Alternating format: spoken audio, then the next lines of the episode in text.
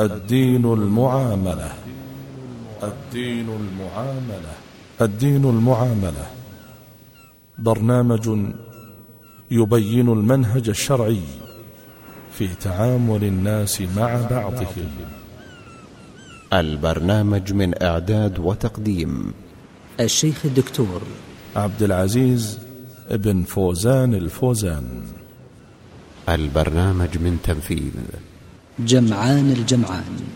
بسم الله الرحمن الرحيم. الحمد لله رب العالمين والصلاة والسلام على عبده ورسوله نبينا محمد وعلى آله وصحبه أجمعين. أيها الأحبة الكرام سلام الله عليكم ورحمته وبركاته. لا يزال حديثنا موصولا عن معاملة الجار لجاره وحديث هذا اليوم عن عظم حق الجار وعن مراتب حق الجوار. قال الله عز وجل واعبدوا الله ولا تشركوا به شيئا وبالوالدين إحسانا وبذي القربى واليتامى والمساكين والجار ذي القربى والجار الجنب والصاحب بالجنب فأوصى بالإحسان إلى الجيران كلهم قريبهم وبعيدهم برهم وفاجرهم مسلمهم وكافرهم كل بحسب قربه وحاجته وما يصلح لمثله. وأما السنة النبوية فقد حفلت بنصوص كثيرة توصي بالجار وتؤكد حقه وتأمر بإكرامه والإحسان إليه وتتوعد على إيذائه وعقوقه والإساءة إليه. فعن عائشة رضي الله عنها عن النبي صلى الله عليه وسلم قال ما زال يوصيني جبريل بالجار حتى ظننت أنه سيورثه رواه البخاري ومسلم. وعن عبد الله بن عمرو بن العاص رضي الله عنهما أنه ذبح شاة فقال هل أهديتم منها لجارنا اليهودي؟ ثلاث مرات. ثم قال سمعت النبي صلى الله عليه وسلم يقول ما زال جبريل يوصيني بالجار حتى ظننت أنه سيورثه. رواه أبو داود والترمذي وأحمد وحسنه الترمذي.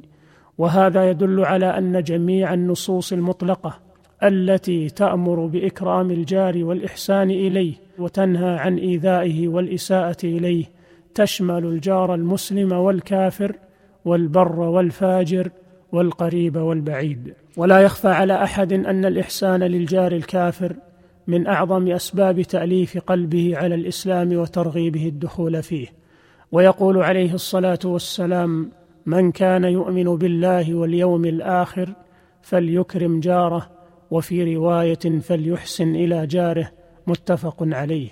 وهذا يدل على أن إكرام الجار وطيب المعاملة له من شعب الإيمان وسمات المؤمنين وأن من لم يكرم جاره لم يتم إيمانه الواجب. وقد أكد ذلك النبي صلى الله عليه وسلم بقوله والذي نفسي بيده لا يؤمن عبد حتى يحب لجاره أو قال لأخيه ما يحب لنفسه رواه مسلم.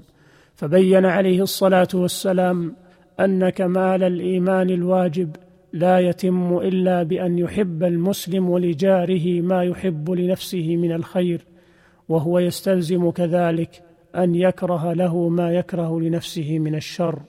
بل بين صلى الله عليه وسلم أن خير الناس وأفضلهم عند الله هو خيرهم لجاره وصاحبه فقال خير الأصحاب عند الله خيرهم لصاحبه وخير الجيران عند الله خيرهم لجاره. رواه الترمذي وأحمد والبخاري في الأدب المفرد والدارمي وابن خزيمة وابن حبان والحاكم وصححه ووافقه الذهبي وحسنه الترمذي وصححه الألباني. وهذا الحديث المبارك ميزان نبوي عظيم يبين مقياس التفاضل بين الناس عند الله وأن من كان خيرا صالحا في معاملته لجيرانه وأصحابه وزملائه فهو دليل خيريته عند الله وتوفيقه له ومحبته إياه بل هو دليل على أنه خير الناس عند الله وذلك بشهادة الصادق المصدوق صلى الله عليه وسلم. وعن أبي هريرة رضي الله عنه قال قال رسول الله صلى الله عليه وسلم من يأخذ عني هؤلاء الكلمات فيعمل بهن أو يعلم من يعمل بهن؟ فقال أبو هريرة رضي الله عنه فقلت أنا يا رسول الله فأخذ بيدي فعد خمسا وقال اتق المحارم تكن أعبد الناس وارض بما قسم الله لك تكن أغنى الناس وأحسن إلى جارك تكن مؤمنا. وأحب للناس ما تحب لنفسك تكن مسلما ولا تكثر الضحك فإن كثرة الضحك تميت القلب. رواه الترمذي وأحمد والطبراني في الأوسط وأبو يعلى وحسنه الألباني. فبين أن الإحسان إلى الجار دليل على صدق الإيمان وشعبة من شعبه وسبب من أسباب زيادته وقوته. وقد قال بعض الحكماء ثلاث إذا كن في الرجل لم يشك في عقله وفضله إذا حمده جاره وقرابته ورفيقه. وأما مراتب حق الجار فإن حق الجار على ثلاث مراتب أدناها كف الأذى عنه ثم احتمال الأذى منه وأعلاها وأكملها إكرامه والإحسان إليه. أما المرتبة الأولى وهي كف الأذى عنه فهي أقل ما يجب على الجار تجاه جاره فإنه إذا لم يحسن إليه فلا أقل من أن يكف أذاه وشره عنه. والله تعالى يقول والذين يؤذون المؤمنين والمؤمنات بغير ما اكتسبوا فقد احتملوا بهتانا وإثما مبينا. فكيف إذا كان المؤذى هو جارك المؤمن فإن الإثم أشد؟ ولهذا قال النبي صلى الله عليه وسلم من كان يؤمن بالله واليوم الآخر فلا يؤذي جاره. متفق عليه. وفي صحيح البخاري عنه صلى الله عليه وسلم أنه قال والله لا يؤمن والله لا يؤمن والله لا يؤمن. قيل من يا رسول الله؟ قال الذي لا يأمن جاره بوائقه. ورواه مسلم بلفظ لا يدخل الجنة من لا يأمن جاره بوائقه.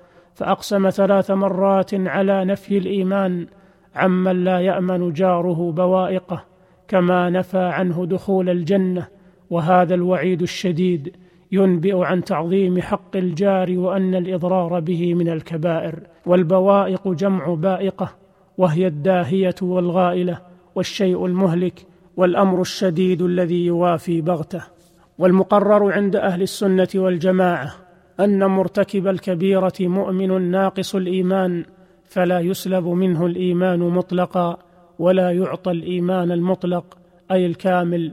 هذا حكمه في الدنيا وأما في الآخرة فهو تحت مشيئة الله إن شاء غفر له وإن شاء عذبه بقدر كبيرته ثم يكون مآله إلى الجنة فهو إن دخل النار لا يخلد فيها كما يخلد الكفار.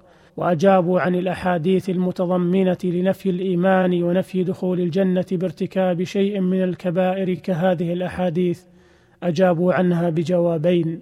الأول أن هذا في حق المستحل لهذه المعصية لأنه باعتقاده حلها مع تحريم الله لها بنصوص قاطعة صريحة يكون مكذبا لله تعالى ولرسوله صلى الله عليه وسلم.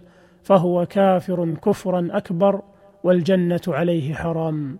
بل من كذب بآية أو بعض آية من كتاب الله فإنه كافر فكيف بمن يكذب بجميع الآيات والأحاديث التي دلت على وجوب إكرام الجار وتحريم إيذائه والإساءة إليه؟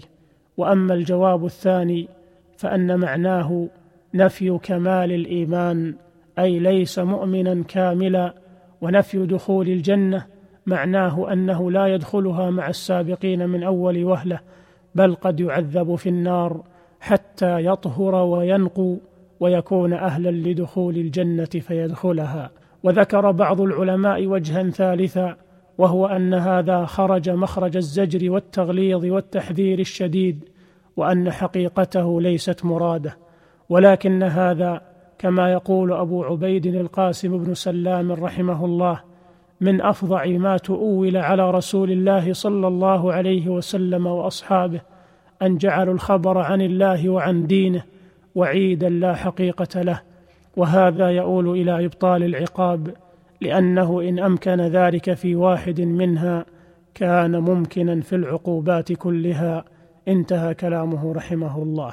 وقال عليه الصلاة والسلام مبينا غلظ إيذاء الجار أول خصمين يوم القيامة جاران. رواه أحمد والطبراني في المعجم الكبير وقال المنذري رواه أحمد واللفظ له والطبراني بإسنادين أحدهما جيد وحسنه الألباني. وقد دل الحديث على أن الله تعالى سينتقم للجار المظلوم من جاره الظالم وأن هذه الخصومة مقدمة على غيرها. مما يدل على خطورة ظلم الجار أو التقصير في حقه. وعن أبي هريرة رضي الله عنه قال جاء رجل إلى النبي صلى الله عليه وسلم يشكو جاره فقال اذهب فاصبر. فأتاه مرتين أو ثلاثا فقال اذهب فاطرح متاعك في الطريق. فطرح متاعه في الطريق فجعل الناس يسألونه فيخبرهم خبره فجعل الناس يلعنونه فعل الله به. وفعل وفعل فجاء إليه جاره فقال له ارجع لا ترى مني شيئا تكرهه. وفي رواية فأمرني أن أخرج متاعي فأضعه على الطريق. فجعلوا يقولون اللهم العنه اللهم أخزه. قال فبلغ ذلك الرجل فأتاه فقال ارجع فوالله لا أوذيك أبدا. رواه أبو داود وابن حبان والبخاري في الأدب المفرد والحاكم. وقال حديث صحيح وله شاهد صحيح عن أبي جحيفة رضي الله عنه ووافقه الذهبي وجود إسناده ابن مفلح في الآداب الشرعية. وعن أبي هريرة رضي الله عنه قال قيل للنبي صلى الله عليه وسلم إن فلانة تصوم النهار وتقوم الليل وتؤذي جيرانها بلسانها قال لا خير فيها هي في النار. قيل فإن فلانة تصلي المكتوبة وتصوم رمضان وتتصدق بأثوار من أقط أي قطع من أقط وهو البقل المعروف المصنوع من اللبن ولا تؤذي جيرانها. قال هي في الجنة. رواه أحمد وابن حبان والبخاري في الأدب المفرد والحاكم وقال صحيح الإسناد. ووافقه الذهبي. وقال المنذري في الترغيب والترهيب. رواه أحمد والبزار وابن حبان في صحيحه. والحاكم وقال صحيح الإسناد ورواه أبو بكر بن أبي شيبة بإسناد صحيح أيضا. وهذا يدل على أن أذى الجار من أعظم الأسباب الموصلة إلى النار وأن كف الأذى عنه سبيل موصل إلى الجنة.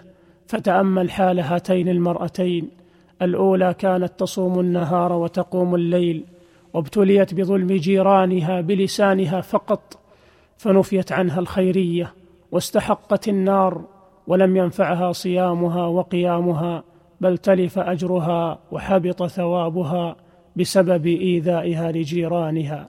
وأما الثانية فما كانت تصلي إلا الصلوات المكتوبة ولا تصوم إلا رمضان وتتصدق بالقليل من الطعام ولكنها وفقت لكف الأذى عن جيرانها فكانت من أهل الجنة. بشهادة رسول الله صلى الله عليه وسلم. اللهم إنا نعوذ بك من الظلم والإيذاء. اللهم إنا نعوذ بك أن نضل أو نضل أو نزل أو نزل أو نظلم أو نظلم أو نجهل أو يجهل علينا. ربنا لا تجعلنا مع القوم الظالمين. واغفر لنا ولأهلينا ووالدينا وجيراننا وإخواننا المسلمين. وإلى لقاء قادم. أستودعكم الله الذي لا تضيع ودائعه. والسلام عليكم ورحمة الله وبركاته.